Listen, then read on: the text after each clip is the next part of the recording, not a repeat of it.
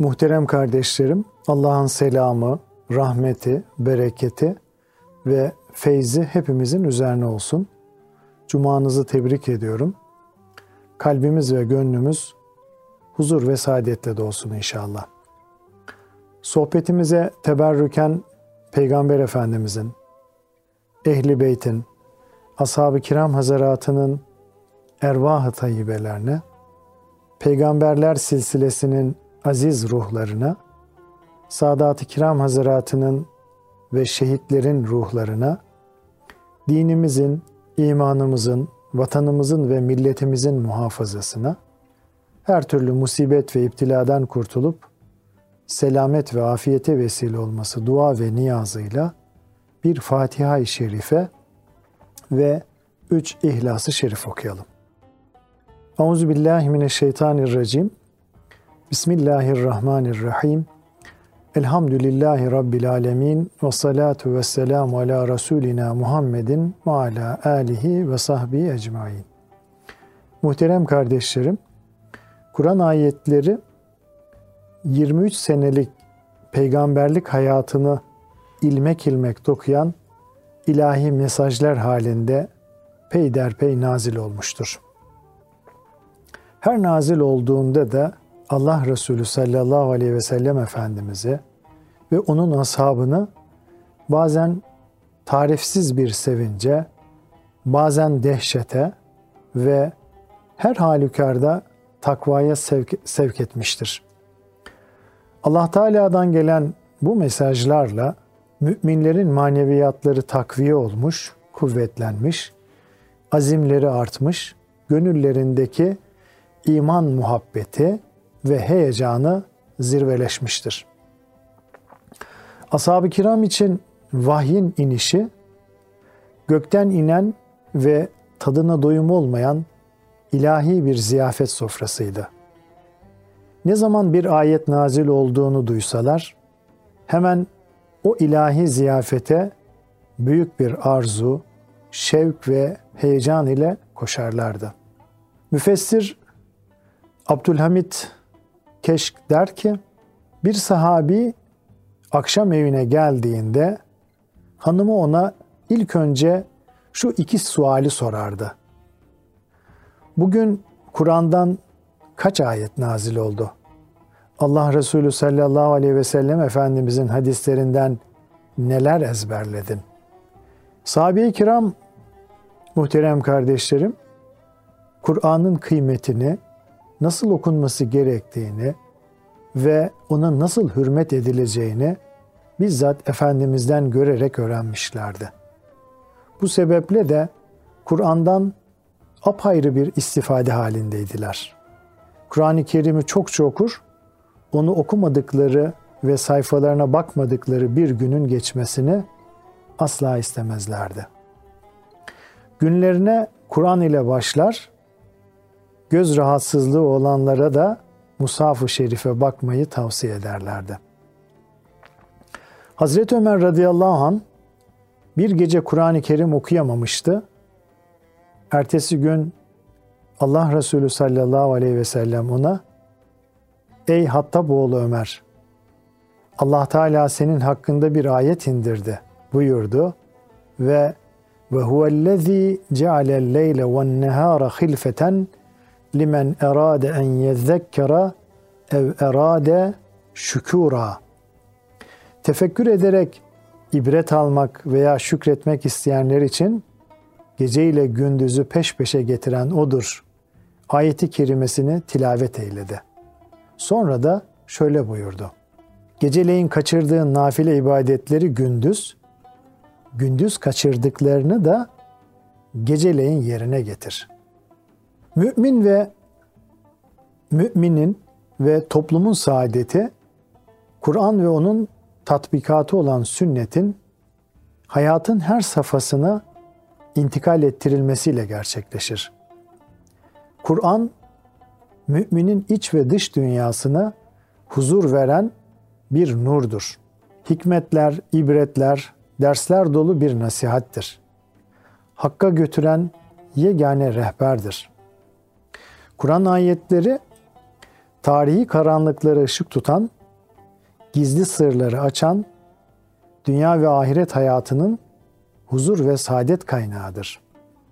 Yine Kur'an-ı Kerim bizlere eski zamanların, geçmiş milletlerin ibretli vakalarını, vakalarını anlatırken hikmetler yağdırmakta, istikbalimize ait nice hayati ve içtimai dersler vermektedir. Fani hayatta bunalan ruhlara kurtuluş reçetesi sunan, çaresizlere şifa dağıtan ilahi bir hikmet eczanesidir. Yine Kur'an Rabbimizin mucize hitabıdır.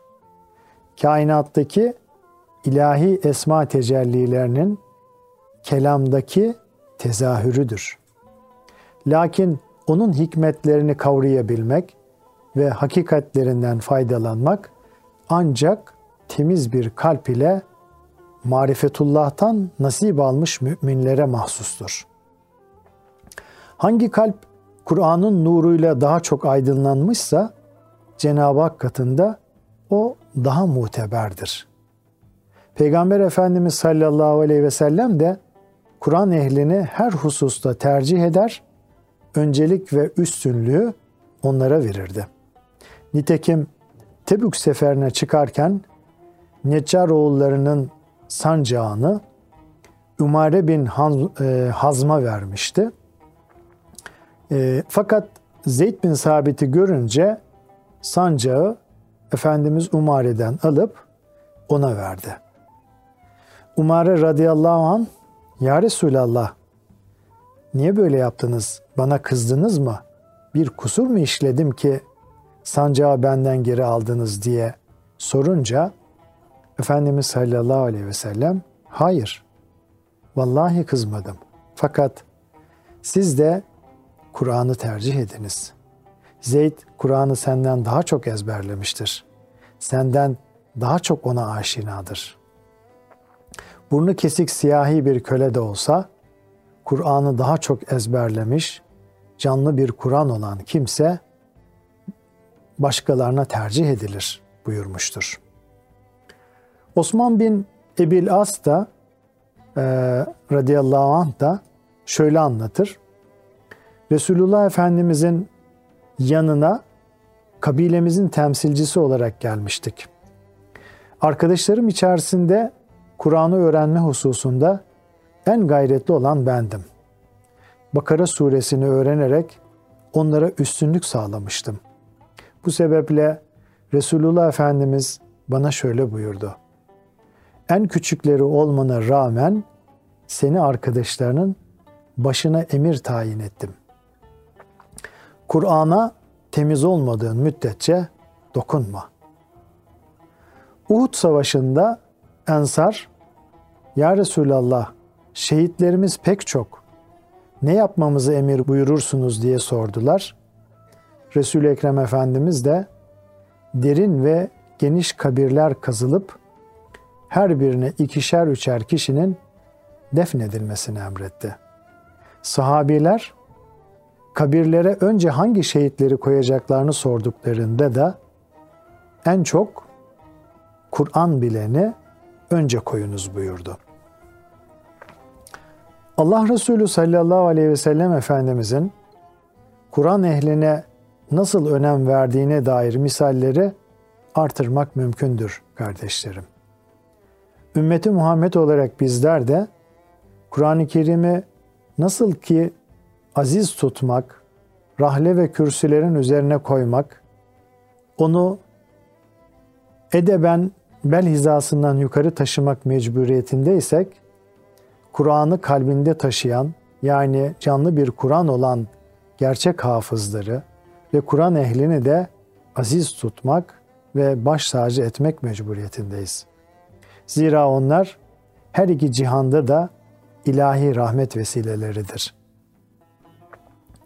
Cenab-ı Hak Kur'an-ı Kerim hususunda gaflete düşenlerle onun feyzinden güzelce istifade edenleri şöyle beyan buyurur. Sonra kitabı kullarımız arasından seçtiğimiz kimselere verdik. İnsanlardan kimi kendisine zulmederek insanlardan kimi kendisine zulmeder, kimi ortadadır, kimi de Allah'ın izniyle hayırda öne geçmek için yarışır. İşte büyük fazilet budur. Fatır suresi ayet 32. Yani insanların kimisi Kur'an okuduğu halde okuduğu boğazından aşağı inmez. Kalbine tesir etmez ve amellerine yansımaz. Böylece nefsine zulmeder. En büyük nimeti ziyan eder. Kimisi orta yoldadır. Bazen amel eder, bazen ihmal eder. Kimisi de Kur'an'ın feyz ve ruhaniyetiyle hayırlarda mesafe kat eder. Kur'an-ı Kerim'den layıkıyla feyz alabilmek için bedeni temizlik kadar kalbi temizliğe de riayet edilmelidir. Aksi halde kalbi hastalıklar insanın Kur'an-ı Kerim'le doğru bir şekilde buluşmasına engel olur.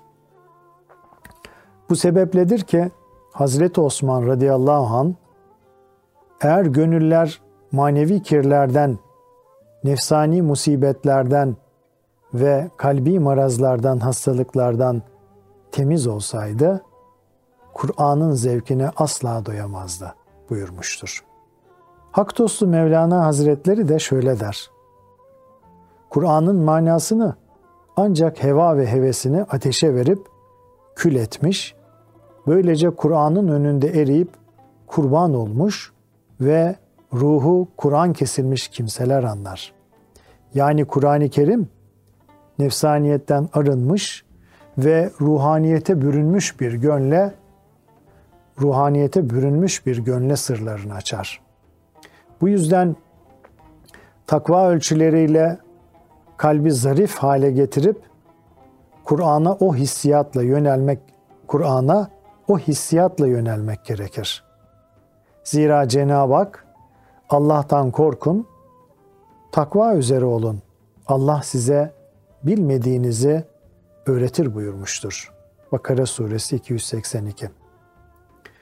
Unutmamak gerekir ki Kur'an-ı Kerim bir faninin eseri değil, kainatın yaratıcısının kullarını dünya ve ahiret saadetine erdirmek için lütfettiği hidayet rehberidir. Bu yüzden Kur'an-ı Kerim'den layıkıyla istifade için Musaf-ı Şerif'in kapağı, kapağı hürmet, tazim ve edep duygularıyla açılmalı.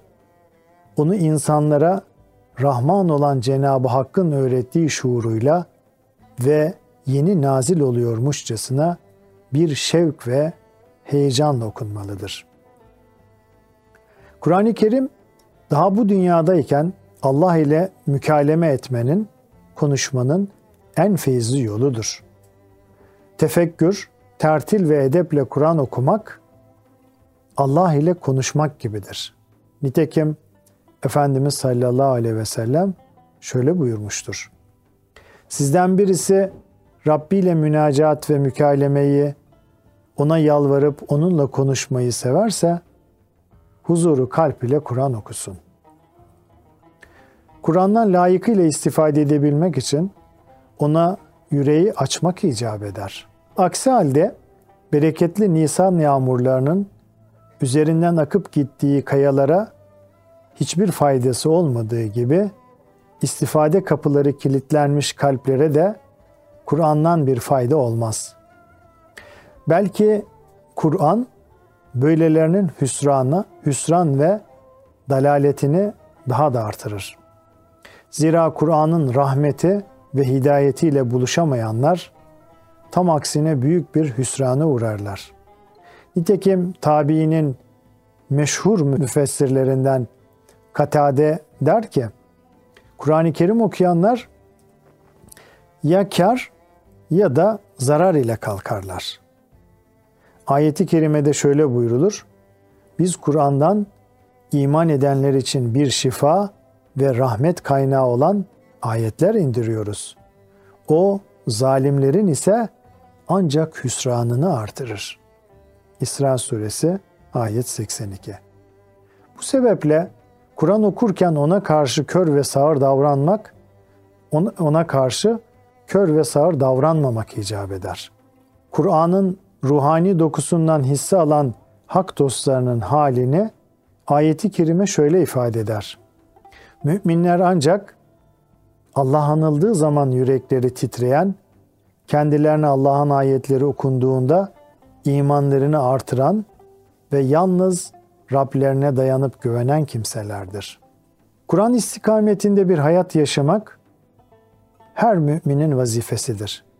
Aksi halde ahirette Resul-i Ekrem Efendimizin şefaatini beklerken onun bizden şikayetçi olması da muhtemeldir.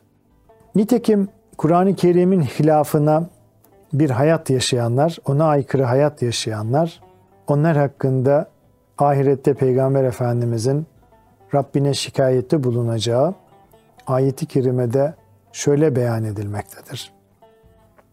Peygamber der ki, Ey Rabbim, kavmim bu Kur'an'ı büsbütün terk etti. İşte ahirette bu nebevi itaba, azara düçar olmamak için ona ümmet olmanın gerektirdiği şekilde Kur'an-ı Kerim'i mahrecine, tecvidine riayetle bol bol okumak, derunundaki manalara aşina olmak ve duygu derinliği içinde hassasiyet ve muhabbette muhabbetle onu tatbik etmeye gayret etmek gerekir. Yani Gazali Hazretlerinin tabiriyle dil okumalı, akıl firasetiyle tercüme ve tefekkür etmeli, kalp ise hazmedip ders almalıdır. Muhterem kardeşlerim, ümmetinin Kur'an-ı Kerim ile nasıl ve ne kadar alakadar olduğunun ve kendisinin bu hususta sorgulanacağının endişesi içerisinde olan Peygamber Efendimiz de bu sebeple en çok Kur'an talebeleri olan ashab-ı suffe ile meşgul olurdu. Açlık ve yokluk zamanlarında bile karnına taş bağlayıp onlara Kur'an talim ederdi. Abdullah İbni Mesud radıyallahu an ashab-ı suffe talebesiydi. Orada Resulullah Efendimizin rahle-i tedrisinde yetişti.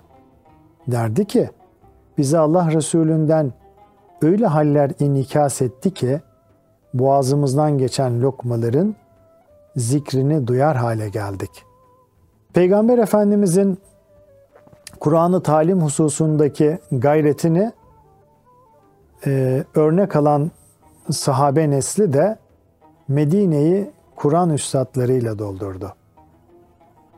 Muhterem kardeşlerim, Kur'an-ı Kerim kaynağı Cenab-ı Hak olan dört semavi kitabın sonuncusudur. Rüştünü ikmal etmiş insanlığa Rabbimizin son çağrısı ve son mesajlarıdır. Hak Teala gönderdiği kitaplardan yalnızca Kur'an-ı Kerim'i kıyamete kadar koruyacağını e, garanti etmiştir. Bu sebeple bir harfi bile değişmeden aslını koruyan tek ilahi kitap Kur'an-ı Kerim'dir. Bu noktada bizim asıl meselemiz Cenab-ı Hakk'ın bu taahhüdüne e, ne kadar vesile olabildiğimizdir. Halimizi bir gözden geçirmeliyiz. Kur'an-ı Kerim ile ne kadar ünsiyetimiz var? Onu ne kadar duygu derinliği içinde okuyabiliyoruz? Peygamber Efendimizin ve ashabın Kur'an-ı Kerim karşısında duyduğu heyecanı ne kadar duyabiliyoruz? Bu soruları hep sık sık sormalıyız. Kur'an-ı Kerim'i hayatımızın her safhasına intikal ettirebiliyor muyuz? Aile hayatında, komşuluk ve kul haklarında, ticari hayatta onu ne kadar kendimize kıstas alıyoruz? Kendimizi zamanın ve toplumun akışından ne kadar mesul görüyoruz? Yavrularımıza esas tahsil olan Cenab-ı Hakk'ı tanıma tahsilini verebiliyor muyuz? Kur'an'ı gönüllere taşıma, onunla istikametleri düzeltme hususunda ne kadar gayret içindeyiz? Unutmayalım ki iki cihan saadeti ilahi bir emanet olan evlatlarımızı Kur'an kültüründen nasiplendirmekle mümkündür. En merhametli anne baba evladını Kur'an terbiyesiyle asıl istikbal olan ahirete hazırlayan anne babadır. İnsanın evladına verebileceği en büyük hediye güzel bir terbiyedir. Kur'an'ın engin mana kevserinden kendisi tatmadığı için evladını da tattıramayan anne babalar büyük bir vebal altındadır. Zira manevi tahsil hususunda cahil bırakılan, Kur'an ve sünnetin ruhaniyetiyle terbiye edilmeyen evlatlar, kıyamet günü anne babalarından davacı olacaklardır. İbn Ömer radıyallahu anh der ki, evladını iyi terbiye et. Zira bundan mesulsün. Terbiyesiyle ilgili olarak ne yaptın, neler öğrettin diye hesaba çekileceksin. Hadis-i şerifte de şöyle buyrulur. Çocuklarınızı üç hususta yetiştirin. Peygamber sevgisi, ehli beyt sevgisi ve Kur'an kıraati. Çünkü hamele-i Kur'an yani Kur'an'ı öğrenen, öğreten ve bu yolda hizmet edenler hiçbir gölgenin bulunmadığı kıyamet gününde peygamberler ve hak dostları ile birlikte arşın gölgesindedir. İmam Malik Hazretleri der ki, ben her hadis ezberlediğimde babam bana bir hediye verirdi. Öyle bir zaman geldi ki babam hediye vermese bile hadis ezberlemek bende tarifsiz bir lezzet haline geldi. İmam Ebu Hanife de oğlu Hammad e, Fatiha suresini öğrendiğinde hocasına 500 dirhem vermişti. O zamanlar bir koç bir dirheme satın alınıyordu. Hocası bu cömertliği fazla buldu. Çünkü çocuk yalnızca Fatiha suresini öğrenmişti. Bunun üzerine Ebu Hanife Hazretleri ona şöyle dedi. Yavruma öğrettiğin sureyi küçük görme. Eğer yanımda bundan daha fazlası olsaydı Kur'an'ı hakkıyla hürmet edebilmek için onu sana hediye ederdim. Selahattin Eyyubi de kışlada dolaşırken babasının önünde Kur'an okuyan bir çocuğa rastlamıştı. Çocuğun okuyuşunu beğendi ve ona yaklaşarak kendi yiyeceğinden bir parça verdi. Ayrıca kendisine ait olan tarlanın bir kısmını o çocuk ve babası için vakfetti. Bütün bunlar anne babalar için evlat terbiyesinde örnek alınması gereken güzel numunelerdir muhterem kardeşlerim. Dolayısıyla fırsat eldeyken, fırsat elden gitmeden evlatlarımızı Kur'an'ın feyz ve bereketiyle yetiştiremezsek, yarın kabrimizde ağır bir pişmanlıkla baş başa kalacağımızı unutmamalıyız. Bunun için de evlatlarımızla vaktinde güzelce alakadar olmalı, onların tertemiz yüreklerine Allah ve peygamber sevgisini, Kur'an ve sünnet kültürünü aşılamalıyız.